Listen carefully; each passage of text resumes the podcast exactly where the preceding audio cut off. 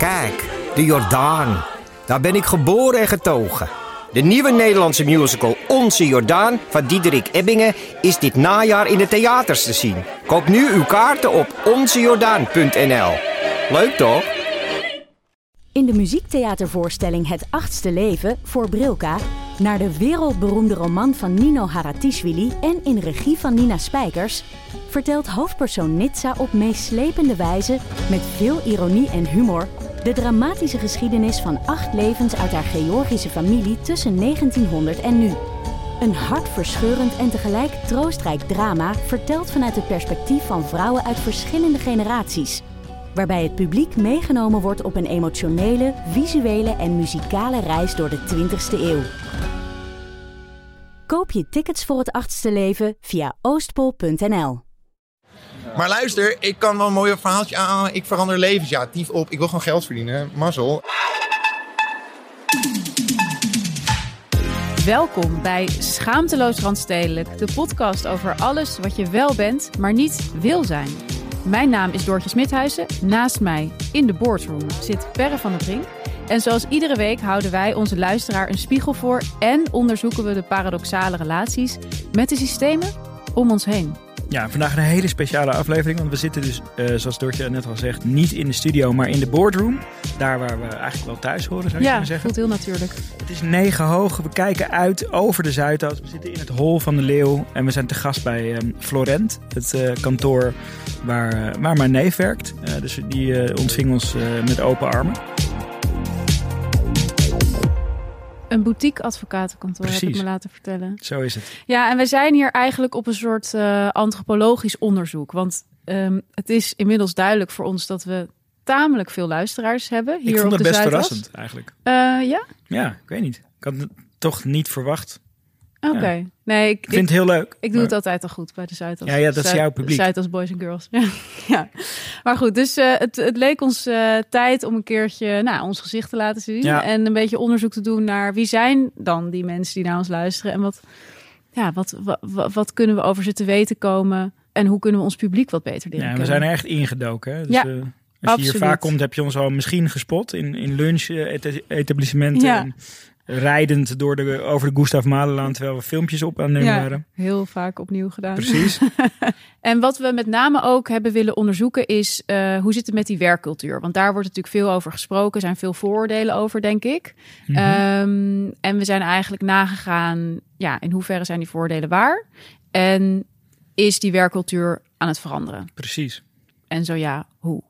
En om die bevindingen dan allemaal nog eens een keer te testen, gaan we straks in gesprek met echte Mensen? Ja, echte mensen. Mhm. Met Zuidas, medewerkers die hier, zoals elke vrijdag, staan te borrelen bij de Blauwe Engel. Niets vermoedend staan ze daar. Wachtend gaan er naartoe.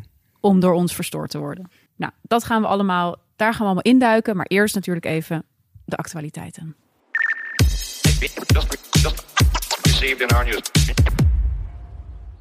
Generatiecheck.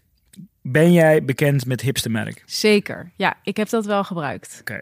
Nou, Hipstermerk was dus ooit een soort OG Instagram. Het is ja, echt lang geleden. 2008 of zo. ja, ik denk misschien nog wel langer.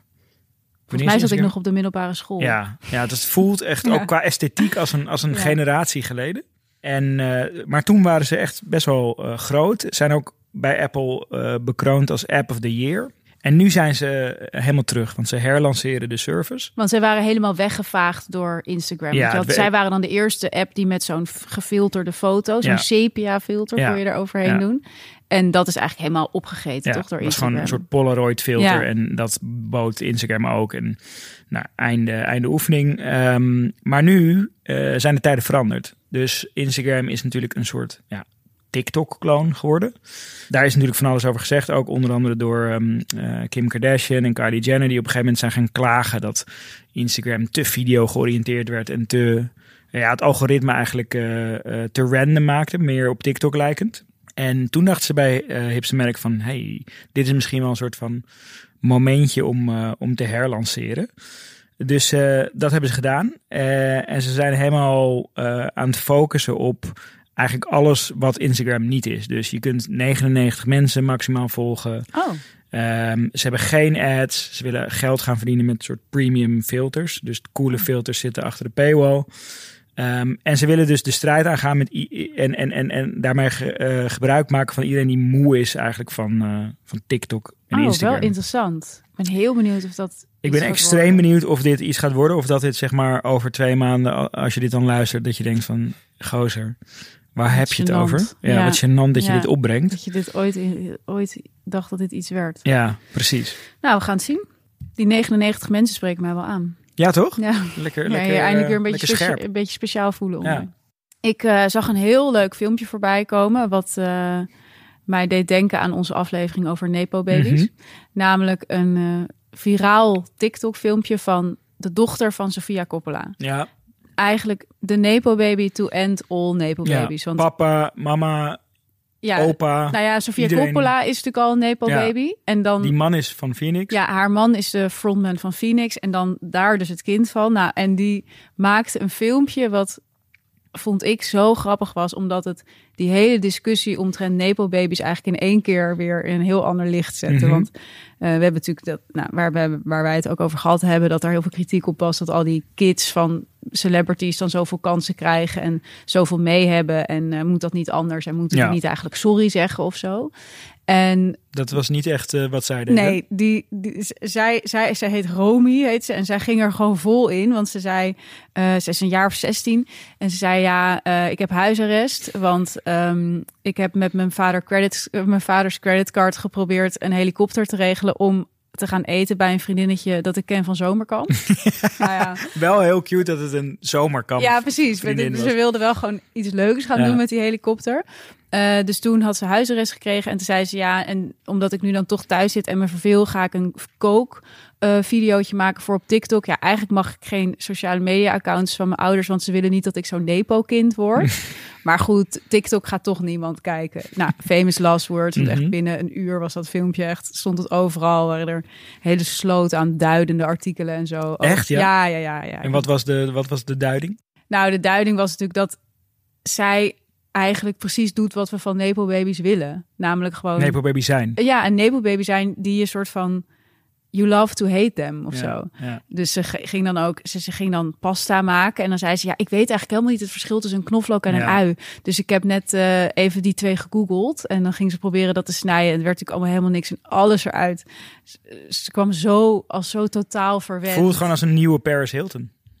Ja, een Paris Hilton, maar dan een soort van meta of zo. Mhm. Want vervolgens ging ze ook bijvoorbeeld haar eh, de, eh, het vriendje van haar oppas filmen. Zegt ze, ja, dit is de vriend van mijn oppas. En eh, ja, zij zijn altijd hier, want mijn ouders zijn er nooit. Dus dit zijn zeg maar mijn replacement parents. Ja, ja, ja, Dus er zat ook een soort van tragedie Ja, in. ja. Ik weet niet, het was eigenlijk was het gewoon een Sofia Coppola film in een minuut.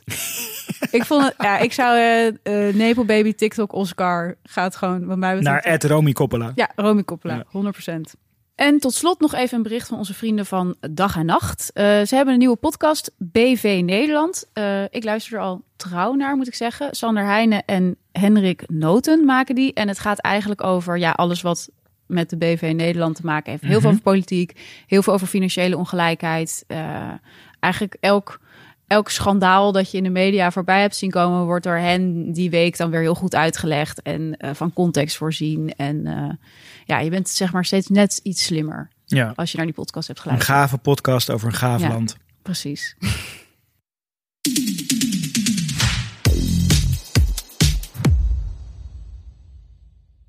Inmiddels hebben jullie misschien al de beelden gezien van die geweldige reis van de verdwaalde jongens door Kirgizië. Maar ze komen nu met iets nieuws en iets extra moois, namelijk de extreme wintereditie. Kirgizië is al heel mooi, maar het is nog mooier in de winter. Ehm, als het hele land onder een dik pak sneeuw ligt en overal ijs is en al die heuvels helemaal eh, wit gekleurd zijn. Je rijdt natuurlijk nog steeds in diezelfde sexy 4x4, maar dan door sneeuwwoestijnen en over bevroren bergmeren. En, en nou hoor ik je denken van, het is net lente. Ja, dat hoor ik ook iedereen denken. Toch? Ja, Ja, ja, waarom zou ik nu een, een, een vakantie in de winter gaan boeken? Maar ik heb een insight. Ehm, als je een vakantie, het effect van een vakantie houdt maximaal drie dagen aan tot, tot nadat je terugkomt. Ja, Dus na drie dagen is het, is het gevoel van rust is weg. ben je het alweer helemaal kwijt. Maar waar de echte winst zit, is het moment van boeken tot aan dat je op vakantie gaat. Dus, met andere woorden, als je nu een reis eh, naar, de, naar Kirgizië in de Een winter extreme boeken, wintereditie in Kirgizië. dat, Ja. is, dat is zeg maar het echte effect dat is optimaal renderen. Dat is Ja, efficiënt dat is optimaal. reizen. Eh, en wij mogen jou natuurlijk een korting geven met de actiecode Let op schaamteloos Russisch koekblik. Krijg jij 75 euro korting op je boeking voor die speciale wintereditie. Ga daarvoor naar www.verdwaaldejongens.nl slash schaamteloos. En wij zien jou in Kirgizië. En de schaamteloos Russisch koekblik zijn telkens met hoofdletters. Ja, linkjes in de beschrijving.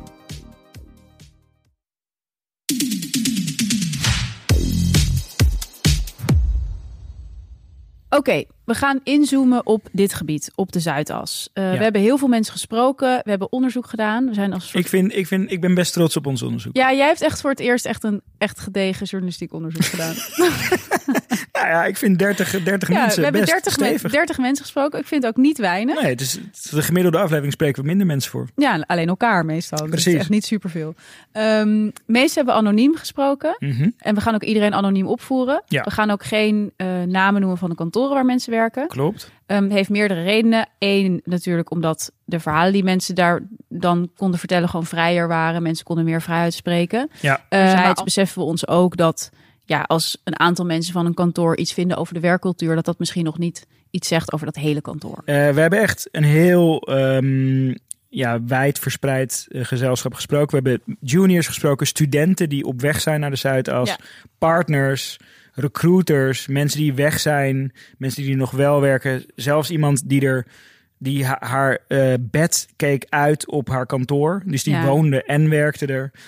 Die Ehm, was wel echt extreem. Ja, Voordat we daarheen gaan, naar die werkcultuur en de vraag of die aan het veranderen is, gaan we eerst nog even langs de clichés. Mhm. Want wat ons opviel, Les, eerst- eh, le- le- les 1 die we hebben getrokken. alle clichés zijn waar. Ja, Over de Zuidas. 100%. Toch? Ja.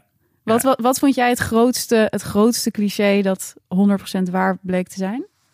Mm, Ik vond bijvoorbeeld, wat ik een heel typisch ding vond, was die, het alcoholgebruik. mhm. Dat is natuurlijk echt, nou ja, we gaan hierna ook nog door eh, naar de Vrijmibo, zoals we eerder al aankondigen, en de luisteraar ook meenemen. Ja. Ik heb daar heel veel zin in.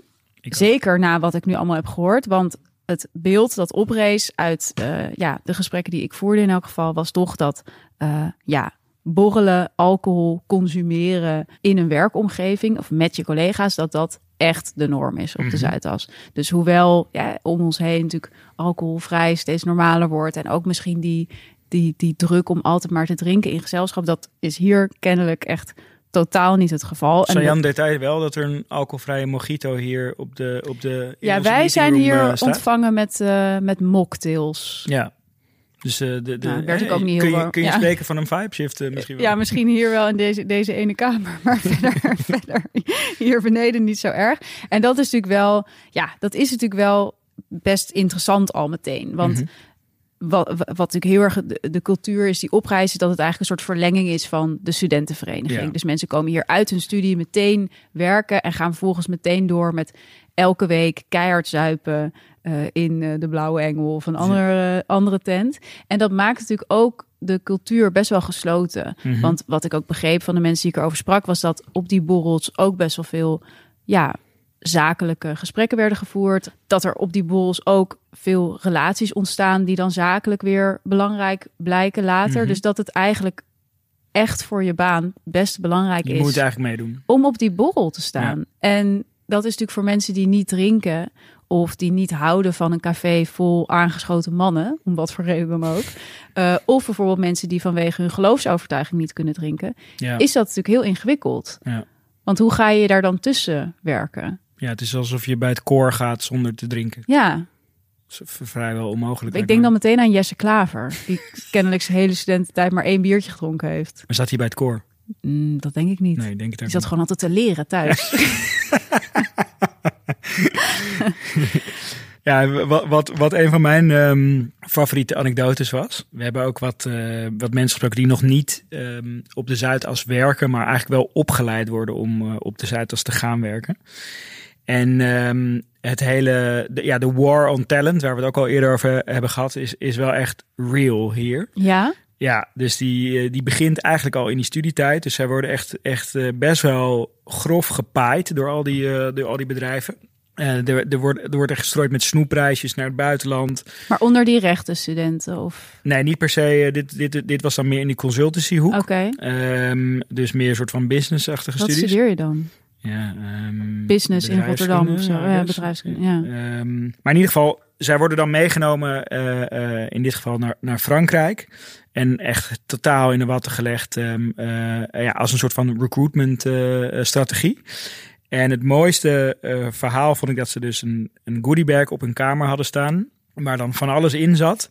Maar eigenlijk een van de grootste dingen was een Patagonia trui. Geweldig. Ja, dat vond ik Dan ben je om, toch? Ja, precies. dan ga je daar werken. Ja, dat snap ik ook wel. Ik zou ook ver gaan Maar dat voor was Patagonia alles trui. wat je, wat je in je hoofd hebt zitten van, Ja. ja. ja, ja. De, je krijgt de vermomming erbij, Ja. zeg maar eigenlijk.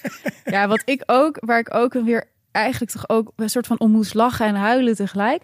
Eh, zoals dit, waren die ski-reisjes, die skitrips. Mhm. Dat had ik ook al vaker wel gehoord van, eh, van vrienden en zo, die ook in de advocatuur werken. Maar dat is dus heel normaal om met, eh, het, ja, met het hele kantoor, het hele Zuidas kantoor, gaat dan elk jaar op skitrip. Mhm. En dat is net zoals die borrels. Het is, het is niet verplicht, het hoort niet bij je werk, maar het is wel het moment waar je nou eindelijk eens een keer goed met die partner kan praten, waar je natuurlijk elkaar Het is ook vrij, dus je moet het zelf lappen. Ja, je moet het zelf betalen, maar daarnaast is het ook natuurlijk, het is super normerend om te kiezen voor een skitrip Mhm. als kantoor, want dan ga je er dus van uit dat mensen kunnen skiën. Ja. Ja, en ook dat ze het kunnen betalen, inderdaad. Dus daar werd dan ook beschreven dat er dan dus ook mensen meegingen die dan bijvoorbeeld nog nooit geskiet hadden. Omdat ze denken, ja, als ik niet meega, dan mis ik ook die, eh, ja, die Daar bonding. gebeurt het of zo. Ja, met, met, met mensen met wie je werkt. En dat is toch een soort van moment waar je bij wil zijn. Maar dat er dan dus hele ongemakkelijke situaties waren met mensen die dus nog nooit geskiet hadden. En meteen Mhm. een been braken en zo. En Dat nog zou ik echt totaal zijn in deze. Ja? Ja? Ja, ja, nou ja, dus, dus dan wa- was er ook weer beleid dat ze dan zeiden van bijvoorbeeld dat ze het geen ski-uitje meer gingen noemen, maar winteruitje. een beetje zo, voelde een beetje als die supermarkten, weet je wel, die dan eh, dingen geen kerst, eh, dus dan noemen we het maar een wintertaart of zo, weet je wel. Ja. Maar goed, uit- uiteindelijk was het dan nog steeds precies hetzelfde. En dan gingen ze een soort extra, extra activiteiten aanbieden, zoals wandelen of zo. Weet je wel, voor Mhm. mensen die niet willen skiën. Terwijl ja, iedereen die wel eens op een skivakantie is geweest, weet dat je gewoon... Ja, je Gaat komt daar om te skiën. Ja. Ja. weet je, je gaat daar niet... Het is niet dat je nou zo ontzettend kan genieten van dat leuke dorp of zo. Nee, precies. In Oostenrijk. Dus dat, dat vond ik ook, ook interessant. Dat ze eigenlijk waarschijnlijk onbewust, weet je wel, maar met dat soort, het in stand houden van dat soort tradities, Ja. echt een hele witte, rijke norm in stand Ja. houden, die voor nieuwkomers gewoon heel, heel ongenaakbaar Ja. is. Ja. En dan nog een cliché natuurlijk, wat toch ook wel erg waar bleek, was gewoon de norm van keihard werken. Ja. Zeker in die eerste drie jaar, als mensen hier als eh, student-stagiair eh, aankomen. Keihard werken, maar ook eigenlijk doen alsof je het niet erg vindt. Ik denk dat, dat eh, als, we, als, we, als we die 30 gesprekken, dat 30 out of 30 dat zeiden. Ja, ja Toch? dat dat echt een norm Ja. was. Ja, misschien. Ja, nee, ik kan me echt niemand herinneren die Nee. zei: Oh, ik ga elke avond. Of iedereen gaat Nee. om zes uur naar huis. Nee. Totaal niet. Het was echt de norm van op kantoor eten. En ook een soort inderdaad doen alsof dat S- S'nachts werken, in het weekend werken. zo. Eh, Alsof het soort van. Maar goed, ik sprak dus iemand die, ehm, die hier eh, lang gewerkt had en die op een gegeven moment toch besloten had eh, weg te gaan. Maar die liet mij dus ook recruitment filmpjes zien van zijn oude collega's. En dat Mhm. was echt wel pijnlijk, want die zei: Ik heb deze mensen zo vaak zien huilen. eh, hebben allemaal bijna burn-outs gehad of echt burn-outs gehad. Allemaal gezegd: Ik moet hier weg. Ik, ik word helemaal gek. Ik kan hier niet blijven. Maar blijkbaar is het dan toch. Nou, gaan we straks over hebben waarom mensen dan toch blijven. Maar goed, nu zaten al die mensen dus in een recruitment filmpje van... kom werken bij dit fijne Ja. bedrijf. ja. De arbeidsvoorwaarden zijn top. Wat ik ook, wat ik ook om daarop in te te haken, eh, wat ik ook nog van, ehm, van iemand hoorde, was dat er gewoon bij een aantal bedrijven speciale afdelingen zijn. eh, die ja, een soort van transitieafdelingen. Dus die houden zich eigenlijk alleen maar bezig met de exits van mensen. Om, om dus gewoon te zorgen dat mensen goed weggaan en hun mond verder houden. Echt waar? Ja, Wow, ja, gewoon dus een als, soort als een soort sub, sub-afdeling van, van HR. Maar krijg je gewoon een soort oprotpremie. Ja, en, En gewoon eh, dat, eh, Hou je mond. Ja, dus je wordt gewoon goed naar de uitgang begeleid. Oh Ehm. Zodat de reputatie geen verdere schade eh, oploopt. Oké, tijd voor ons eerste uitstapje, semi-live, naar de uh, Vrijmibo. Al waar uh, het Zuidas-volk hebben Mhm, aangesproken mhm. en gevraagd hebben... ehm, ja, wat zijn nou eh, de clichés hier? Wat zijn de stereotypes? Ja. En kunnen jullie die bevestigen dan wel ontkennen? Nou, en het, wa- het was meteen raak. Ja, het kunnen was echt meteen raak. We hadden, we hadden eigenlijk een, ehm, een persoon, eh, een groepje mensen eigenlijk die eh, in de recruitment werkte op de Zuidas. Waarvan één er echt letterlijk en figuurlijk bovenuit sprong. Ja. Hij had een paar biertjes op. Ehm, Zei en, die ook de eh, hele tijd? Dat, eh, dat zei hij inderdaad de hele tijd. Ik, ik had best wel zin om gewoon daarna met hun te gaan borrelen na, na, dat, eh, na dat interview. Ehm, maar hij zei ook wel echt daadwerkelijk interessante dingen. Laten we even gaan luisteren. Die highs die zijn echt lekker. Wat zijn de highs dan? De highs als je plaatst, het closen, het, het, het goed doen. Want dat wordt hier ook echt kaart gevierd. Hebben jullie een gong? Oké, luister. Ja, luister. Met- En de bel. Oké, luister. Gong en een bel, met, ja. met dat, kijk, je zit in een team van gemiddeld, denk ik, bij ons dan zit je in een team van vijf, zes man. Op een gegeven moment heb je een belletje, je krijgt een offer binnen van een klant. Oké, prima, we hebben die kandidaat gesproken, superleuk, we willen hem, weet ik veel, 40.000 euro per, jaar bieden. Dan weet je collega's die naast je zitten, een meter van je af. Nu komt dat belletje naar de, klant, eh, naar de kandidaat. Gaat die kandidaat dat offer accepteren? Exact. En op een gegeven moment merk je aan de tendens van het gesprek. Je hoort maar één kant, maar je merkt op een gegeven moment, oké, die gaat het wel doen. En met dat het gesprek dan opgehangen wordt, dan gaat iedereen, en Ja, wat ongeveer hele kantoor. 50, 60 man, die gaat... Het hele kantoor, En hè? dan, en, en dan heb jij zeg maar een loopje van, weet ik veel, 6, 7 meter naar zo'n bel. En dan is het, hey, en dan! En Dus daar doen jullie het allemaal nee, ik voor. doe het voor het geld. Dat klinkt heel kut. Dat klinkt heel kut. Ik vind die loopjes naar die bel echt ziek ongemakkelijk. Maar luister, ik kan wel een mooi verhaaltje aan. Ik verander levens. Ja, tief op. Ik wil gewoon geld verdienen. Mazzel. En dat, dat kan hiermee. Maar je vindt het wel leuk om mensen te helpen, anders doe je het niet. Tuurlijk. Nee, luister. Oké. Nou, hij is in elk geval wel eh, heel eerlijk. Dat was hij zeker. Ja, heel eerlijk en, Ja. en direct.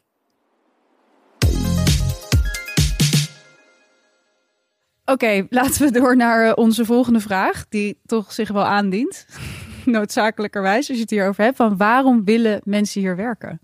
Ik had wel het idee, ehm, als ik zo'n beetje de gesprekken allemaal overzag, dat het eigenlijk een beetje aan het veranderen is hoe mensen hier hun carrière Mhm. ingaan. Zeker. Ik denk dat het tien jaar geleden of zo, wat ik begreep, heel erg nog iets was van status en geld. Ja. En inmiddels denk ik dat het nog steeds geld is, heel Mhm. erg. Maar ook een soort eh, makkelijke manier om je studie voor te zetten. Dus Ja. om die opleiding tot advocaat of, of, een, of een ander specialisme te gaan doen. En je weet dat het super hoog aangeschreven staat. Je weet dat het drie jaar in elk geval afzien wordt. Maar daarna heb je dat papiertje. En dan kan je doen Het is wat echt, je wil. heel veel mensen beschouwen het gewoon echt een soort free pass voor Ja. wat je ook wil gaan doen. Of je nou wil gaan ondernemen of dat je bij een ander bedrijf wil gaan werken. In welke industrie dan ook. Ik sprak iemand die ehm, had ehm, aan het eind van zijn tijd hier bij eh, eh, vier verschillende bedrijven in vier verschillende industrieën gesolliciteerd. En hij werd gewoon overal aangenomen, terwijl het best wel specialistische eh, jobs waren. Ja. Omdat het gewoon toch echt nog steeds een soort ja, vrijpas is van... oh, je komt eh, bij McKinsey vandaan of je een van die andere Ja. kantoren. Eh, kom maar binnen. Nee, je. dat is echt de sfeer. Dus ik had ook, ik had ook soms bijna een beetje het, het, het gevoel dat iedereen er een beetje zo in zat van drie jaar ogen dicht, bek houden. Gewoon als een, eh, ook weer dat corporale van, Ja. van ik, ik onderga die, domme ontgroening. ontgroening. Ja. eh, want daarna heb ik dan vrienden voor Ja, het leven. Daarna ben ik, hoe heet het? Tussen eh, aanhalingstekens. prominent. Ja, of ja, dan, ja, ehm, eh, prominent. Nee, Eh, niet. Het is niet. Ja, die, dus die, die ehm, jonge garde, die, die, die heeft gewoon zoiets van... ik ga het gewoon ondergaan en daarna ben ik gewoon klaar om, eh, om, om iets echt leuks eh, te gaan doen. En wat ja, een van de meer interessante en ook best wel shocking dingen... eh, die we van meerdere mensen eh, eh, hoorden... en ook bij verschillende bedrijven ehm, zaten die mensen... was dat er gezocht wordt in, in de recruitment naar een specifiek archetype mens. En dat noemen ze de insecure overachiever. Eh, dus er zijn gewoon methodes om in sollicitatiegesprekken te identificeren eh, of je tot die ja, eh, groep Dus behoort. de onzekere streber. ja, De onzekere streber En hoe is... haal je die eruit dan? Nou, dat, dus eh, één iemand, vertelde- dat was wel mooi, die, die was dus zelf eh, eerst die, die onzekere eh, overachiever. En later is hij die onzekere over, overachiever gaan identificeren toen hij, toen hij Mhm. wat hoger op ehm, eh, was gekomen. Prachtig, wat een mooie carrière. Precies. Ehm, nu doet hij overigens iets heel, heel anders. Dus dus hij, hij past helemaal in dat beeld wat we net schetsen. Je geeft ze een business case. Het gaat over een of ander bedrijf wat niet zo, niet zo lekker gaat. En jij moet dan als eh, sollicitant identificeren van oké, wat moet er eh, veranderen om dit bedrijf weer terug op de, eh, op de rit te krijgen? Nou, je krijgt wat datapunten en dan mag je een aantal vragen stellen. En dan moet je op een gegeven moment een soort van concluderen, oké, dit is wat er moet gebeuren. En dan zei hij van, dan heb je mensen die niet tot het goede antwoord komen. Nou, die worden gewoon niet aangenomen. Mhm. Je hebt mensen die wel tot het goede antwoord komen. Dat betekent niet per se dat je door bent. Want je hebt ook mensen die een stapje verder gaan dan het goede antwoord geven. En die zeggen, nou, ik heb eerst over deze en deze en deze eh, opzetten nagedacht. Dat kan niet kloppen, want dit en dit en dit en dit. Dus die gaan eigenlijk ook alle foute antwoorden gaan ze uitleggen. Eh, om, om pas helemaal aan het einde het juiste antwoord eh, te geven. Het klinken voor mij echt als hele irritante mensen. Ja, nee, maar dat is dus precies hoe ze herkennen van, ah, dit is, die, dit is die streber die onzeker is in dit gesprek. En die dus niet alleen wil laten weten dat hij of zij het goede antwoord heeft, maar ook dat, dat, dat ze hebben nagedacht over alle foute antwoorden en waarom die fout zijn. Ja, ja, het is een soort vlucht naar voren. Ja, en die personen, die willen ze hebben, want eh, die zijn het makkelijkst te isoleren. Dit is zo interessant, want dit was precies wat twee mensen die ik sprak zeiden ook dat ze het vermoeden hadden dat dat hele lange werken, die hele, eh, hele lange dagen en die soort van bizarre eh, verzoeken, dus dat je dus op vrijdag om half vijf nog hoort, oh, de klant wil Mhm. graag dit rapport maandagochtend af, Ja. dus jij gaat dat dit weekend Ja. doen, dat dat ook voor een deel bewuste strategie is om mensen te isoleren van Ja. al het andere in hun leven.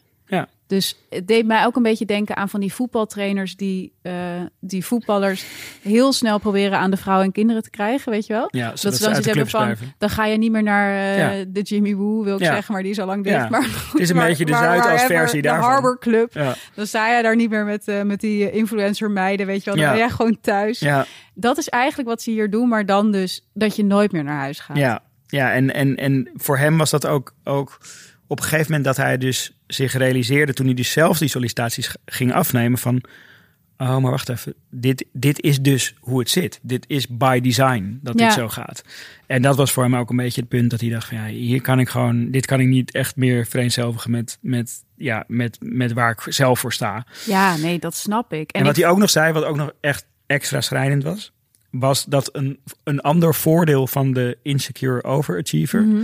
was dat ze makkelijker weg te pesten zijn door HR. Dus ehm, je kunt ze makkelijker wijsmaken dat het aan jou ligt. En wat hebben ze daar dan aan? Eh, omdat ze niet salarisverhoging nee, de- de- vragen er wordt gestrooid met vaste contracten. Mhm. Omdat er vanuit diezelfde war on talent. Van dus Ja, mensen ja. moeten. Je geeft ze eigenlijk bij hun eerste contract al een vast contract. Omdat al, al die andere kantoren ook aan ze trekken. Het nadeel daarvan is dat ze dus moeilijk eh, eh, weg te krijgen zijn. Mhm. Zeker als je ze een soort van vijf jaar emotioneel mishandeld hebt. Maar deze, dit archetype mens is dus makkelijker wijs te maken Dat door een HR-persoon. Van ja, maar ja, dit is ook dit en dit en dit. Misschien is dit ook gewoon niet jouw baan. Ja, Eh, en die gaan dan op een gegeven moment gewoon zelf weg. ja, ja. ja. Dus dan hoef je geen eh, transitievergoedingen of, of, of deals te maken met mensen. En dat zijn dus die eh, eerder genoemde transition, ja, weet ik veel, managers of zo. Eh, die doen dat dus. Ja, en dat, dat vond ik toch wel echt heel grimmig. Echt wel 1984 gewoon. Ja, toch? Verschrikkelijk, ja. ja, ja. Maar ik En, vond het- maar, maar weet je wat wel? Een, een, een, een grappig detail daar. Dat eigenlijk bij al die mensen vroeg ik van... Heb je dan spijt dat je hier hebt gezeten? En Mhm. niemand... Iedereen zegt nee.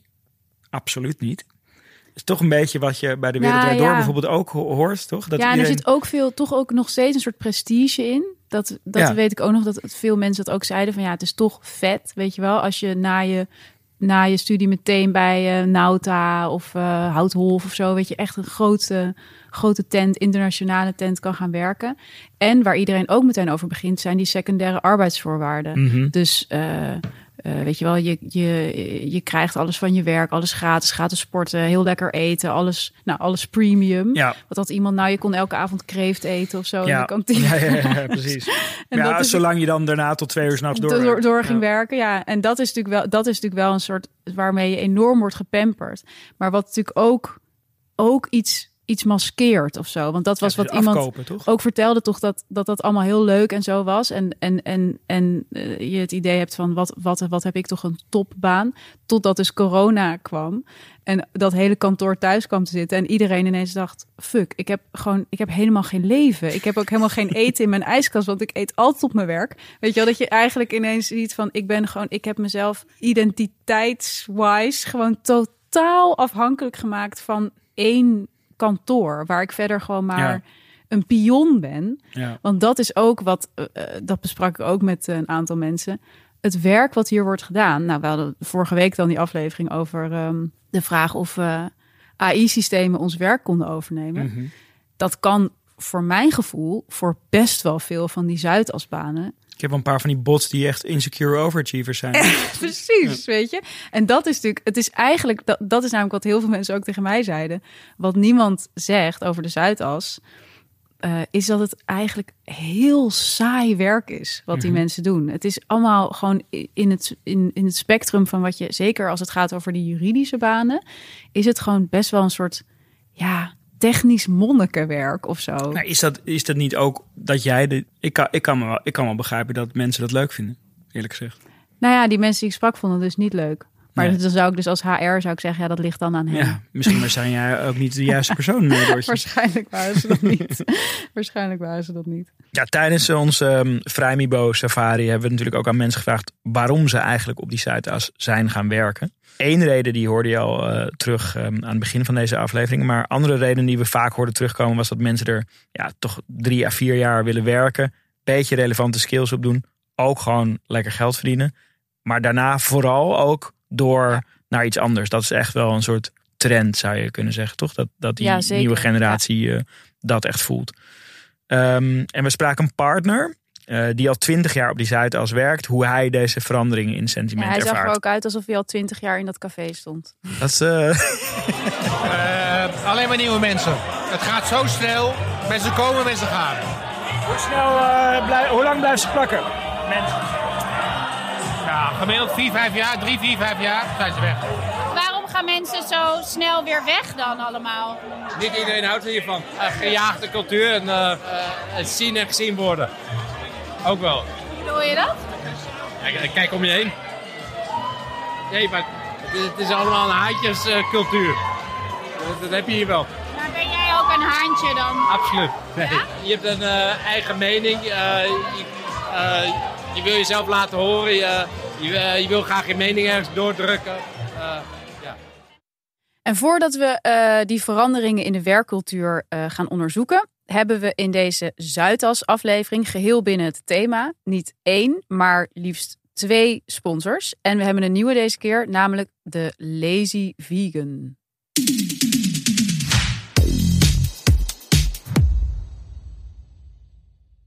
Ja, want naar aanleiding van onze aflevering uh, over minder vlees eten, is deze sponsor helemaal in ons straatje. Het is de Lazy Vegan. En zij willen het voor jou zo makkelijk mogelijk maken om vaker gezond en plantaardig te eten. Ja, ze hebben daarom heerlijke voedzame plantaardige maaltijden ontwikkeld. Uh, ideaal voor als je druk bent met werk op de Zuidas.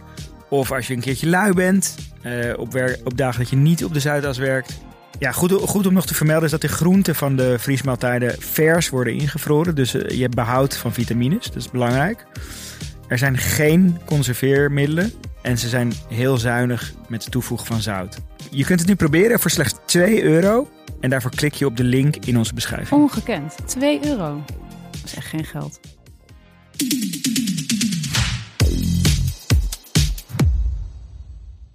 Ik denk dat de een soort van nieuwere generatie wel wat meer van alles wat heeft. Maar als je kijkt naar de wat oudere generatie die er werkt, dat het wel een bepaald soort mens is. Laat ik het zo zeggen. En wat is dat, een bepaalde soort? Ja, dus uh, echt, uh, ja, wat ik zei, de witte mannen met zeven vinkjes. Oké, okay, dan komen we eigenlijk bij het, uh, bij het derde onderdeel van onze antropologische studie naar dit gebied. En dat is eigenlijk de vraag: ja, is die werkcultuur nou aan het veranderen? Want dat is natuurlijk waar de Zuidas zich momenteel heel erg op laat voorstaan. Hè? Dat het hier steeds inclusiever wordt, dat ze veel uh, bewuster zijn van een goede work-life balance en dat soort dingen. En de vraag is natuurlijk, ja, is dat zo? En hoe merkbaar is dat dan? Ja, ik, ik had het idee dat het, dat het zoals in heel veel werelden, dus niet alleen exclusief op de Zuidas, maar dat het, dat de, het topic heel erg op de agenda staat, maar dat ze gewoon niet weten hoe, hoe ze ermee om moeten gaan. Ja, en dat de plank ook af en toe echt enorm mis wordt geslagen in dat soort, uh, in dat soort initiatieven. Ik had bijvoorbeeld iemand die dan vertelde, dan, er was een goed NRC-artikel uh, één of twee jaar geleden over de Zuidas, of vooral over hoe het is om vrouw te zijn op de Zuidas, sowieso wel een tip.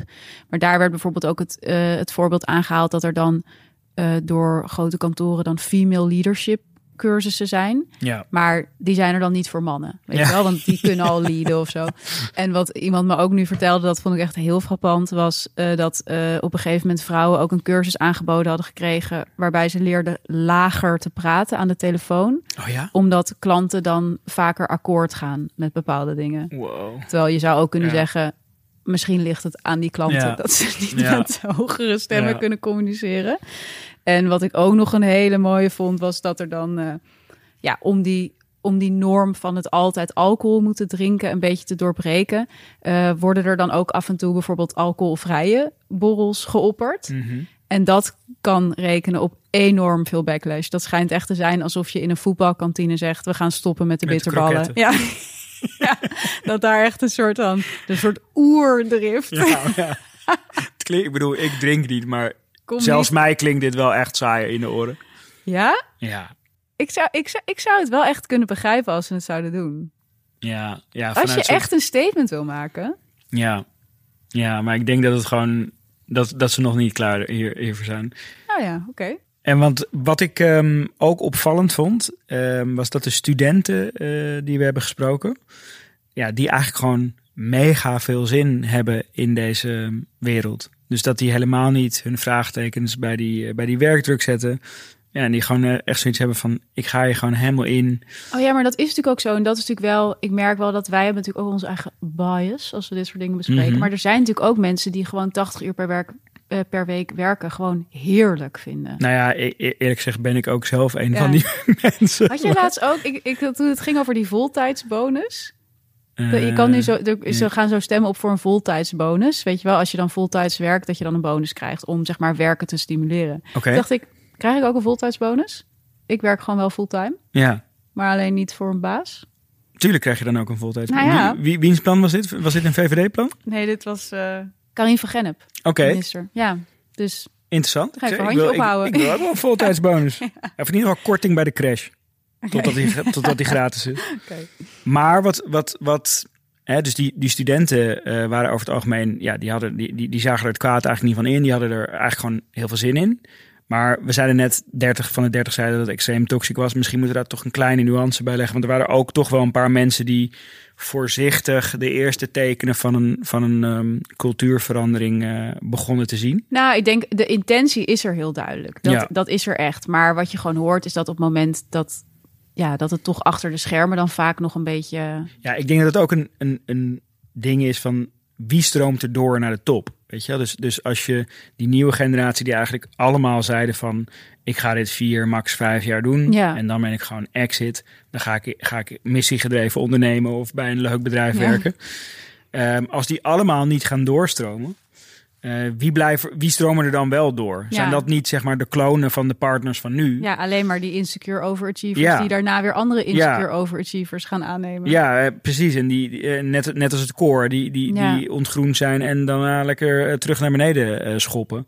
Ehm, dus ja, volgens mij, ehm, als er een oplossing is, dan is het denk ik zorgen dat die, dat die Ja, dat er echt ook ander soort partners komen. Dat was ook wel wat iemand bijvoorbeeld bij mij beschreef dat er dan een dat er dan een probleem was bij dat kantoor dat ze te weinig vrouwelijke partners hadden, zoals bij wat meer kantoren speelt. Mhm. En dat dan uiteindelijk eh, dus bepaalde vrouwen tot partner werden gemaakt, maar dat waren dan altijd de vrouwen die bijvoorbeeld altijd de stagiairs aan het huilen maakte. En juist een hele soort van bully-achtige energie hadden. Ja. Terwijl je juist het idee van diversiteit is natuurlijk ook verschillende types. En Ja. niet alleen maar verschillende geslachten. Ja, ja, ja, ja. dus eh, gewoon meer de vrouwen die op hun leken. Zeg maar. Ja, die op mannen leken. Op die mannen dan, Ja, op die die, daar op die partners. ja. Ja, maar ik denk ook dat dit, weet je, di- dit, dit is ook niet exclusief Zuidas, wederom. Weet je, dit, Totaal dit, is in Nee. iedere wereld eigenlijk hetzelfde. ook in de eh, media issue. vind ik het ook. Precies, Ja. het is precies hetzelfde. En ehm, het heeft gewoon, ja, wat we van Joris Lohman ook hebben gehoord, het heeft, het heeft een transitie, Ja. eh, eh, heeft tijd nodig. Ehm, en dat begint eh, met kleine initiatieven. En ja, het, het kan een hele generatie duren voordat het echt veranderd is of zo. Ja. En wat, ook, wat ik nog een heel mooi voorbeeld vond van dat de intentie er wel is, maar dat dan de stap naar de praktijk vraag nog net iets te groot eh, Ja. eh, blijkt, was dat eh, een bepaald kantoor waar we mensen van hebben gesproken, daar was op een gegeven moment sprake van een angstcultuur. Of Mhm. althans, dat, dat, dat werd door veel mensen aangegeven. In elk geval dermate veel dat het kantoor zelf besloot een onderzoek te doen samen met een universiteit. Mhm. Naar dus de vraag van is er een angstcultuur? En zo ja, wat zouden we eraan moeten doen? En het idee is dan natuurlijk dat dat, dat onderzoek ook gewoon gepubliceerd kan worden door die onderzoekers en zo. Ja. Toen hebben ze dat onderzoek laten doen. En toen waren de resultaten van dat onderzoek zo schokkend en zo doodeng. Ja. Dat eh, dat kantoor toen heeft gezegd: we trekken hier totaal de stekker uit. Dit onderzoek mag onder geen beding Ja. gepubliceerd Beetje zoals worden. die podcast van laatst, toch? Van die overheidspodcast. Ja, dus dat is wel, daar, dat vond ik een heel mooi voorbeeld van. We willen wel, maar of we het echt gaan doen is een twee. Ja, nou ja, en, en als je geconfronteerd wordt met hoe erg er dan aan toe is, dan ben je zo bang voor de, ehm, voor de reacties. Dat je denkt van, nou, laten we dit nog maar heel eventjes binnen kamers Ja. houden, totdat het, totdat het beter is. Oké, dus wij hebben het idee dat er wel een soort intentie is voor zo'n ehm, werkculturele vibe shift. Ja. Maar dat het nog niet echt helemaal doorpakt. Ehm, dus we waren ook nog wel even benieuwd hoe die, eh, hoe die doorgewinterde partner, Mhm. hoe, hij, eh, hoe hij daar tegenaan kijkt. Een eh, verandering bij jongere werknemers in hoe ze in de wedstrijd staan qua werkcultuur? Ja, 100%. Eh, wij- zijn de patatgeneratie en zij zijn de millennials. Dus ja, dan heb je een hele andere wereld. Wat zijn de kernverschillen? Eh, millennials willen meer vrije tijd, maar wel een hoog salaris. De patatgeneratie wil hard doorwerken en niet zeuren. En een hoog salaris. Ja. Work hard, play hard. Mooi afsluiten. Ja, en als er iemand het zou moeten weten, dan Ja. is het natuurlijk onze gezellige recruiter. Onze favoriete recruiter. Hij eh, spreekt de nieuwe mensen die op de Zuidas ehm willen werken iedere dag. Eh, dus waar benieuwd, ziet hij ook die verschuiving? Veel jongeren willen graag eh, nu 32 32 uur per week werken. Willen eerst nog één of twee jaar lang reizen. Lang leven de vrijheid. En ik moet wel heel eerlijk zeggen, dat is, wordt niet heel erg gewaardeerd hier, denk ik. Nou, Wat vindt de klant daarvan? Nou ja, dat hangt vanaf. Kijk, luister, in, volgens mij zijn ze nu in Groot-Brittannië bezig met een soort van pilot om een vierdaagse werkweek te lanceren. Dat dat productiever is. En volgens mij was de uitslag daarvan ook dat gemiddeld 6% de omzet stijgt binnen alle bedrijven die die pilot hebben gedaan. En dat zie je nu ook dat dat doorgaat in de kandidaten die wij nu spreken. Ja, nou ja, prima. Eh, leuk dat je die baan hebt. En leuk dat het vijf dagen is. Ik ga het voor vier dagen doen of ik doe het niet. En dat is nu een beetje voor ons de struggle van... Ga je dan mee in die vier dagen en push je die klant dat... Oh, sorry. Push je die klant dat het vier dagen per week is? Of, of gaat die, kan, is die kandidaat gewoon afgeschreven dan omdat hij niet bereid is om vijf dagen per week te werken? Wat is het antwoord dan meestal? Tot nu toe nog, dan gaat die kandidaat geen baan krijgen. Maar je ziet wel het kantelpunt dat het steeds... Op een gegeven moment kunnen bedrijven niet anders. Ik bedoel, je hebt mensen nodig. En als dat dan voor vijf dagen niet lukt, ja, dan sluit je maar een compromis dat het voor vier dagen wordt. Ik denk dat we wel voorzichtig kunnen concluderen dat er een ehm, eh, beginnetje aan een, van een vibe shift eh, op de horizon staat. Maar dat iedereen in het systeem toch wel zijn twijfels heeft over hoe dat gaat ehm, eh, evalueren. Omdat de partners toch nog echt zo hard de touwtjes in handen Ja. hebben.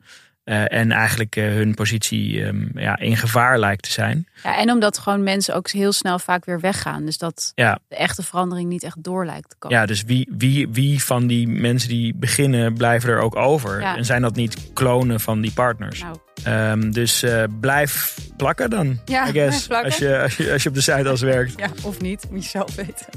Hey, dit was Schaamteloos Stedelijk voor deze week. Werk jij nou op de Zuidas en heb je naar aanleiding van deze aflevering nog eh, iets te melden aan ons? Doe dat dan vooral. Laat ons weten via Instagram. En eh, wij horen jullie volgende week. Jullie horen ons.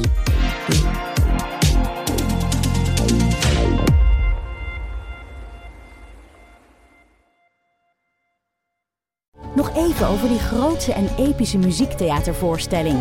Het achtste leven voor Brilka is een marathonvoorstelling van 5 uur. Koop je tickets voor deze bijzondere theateravond via oostpol.nl.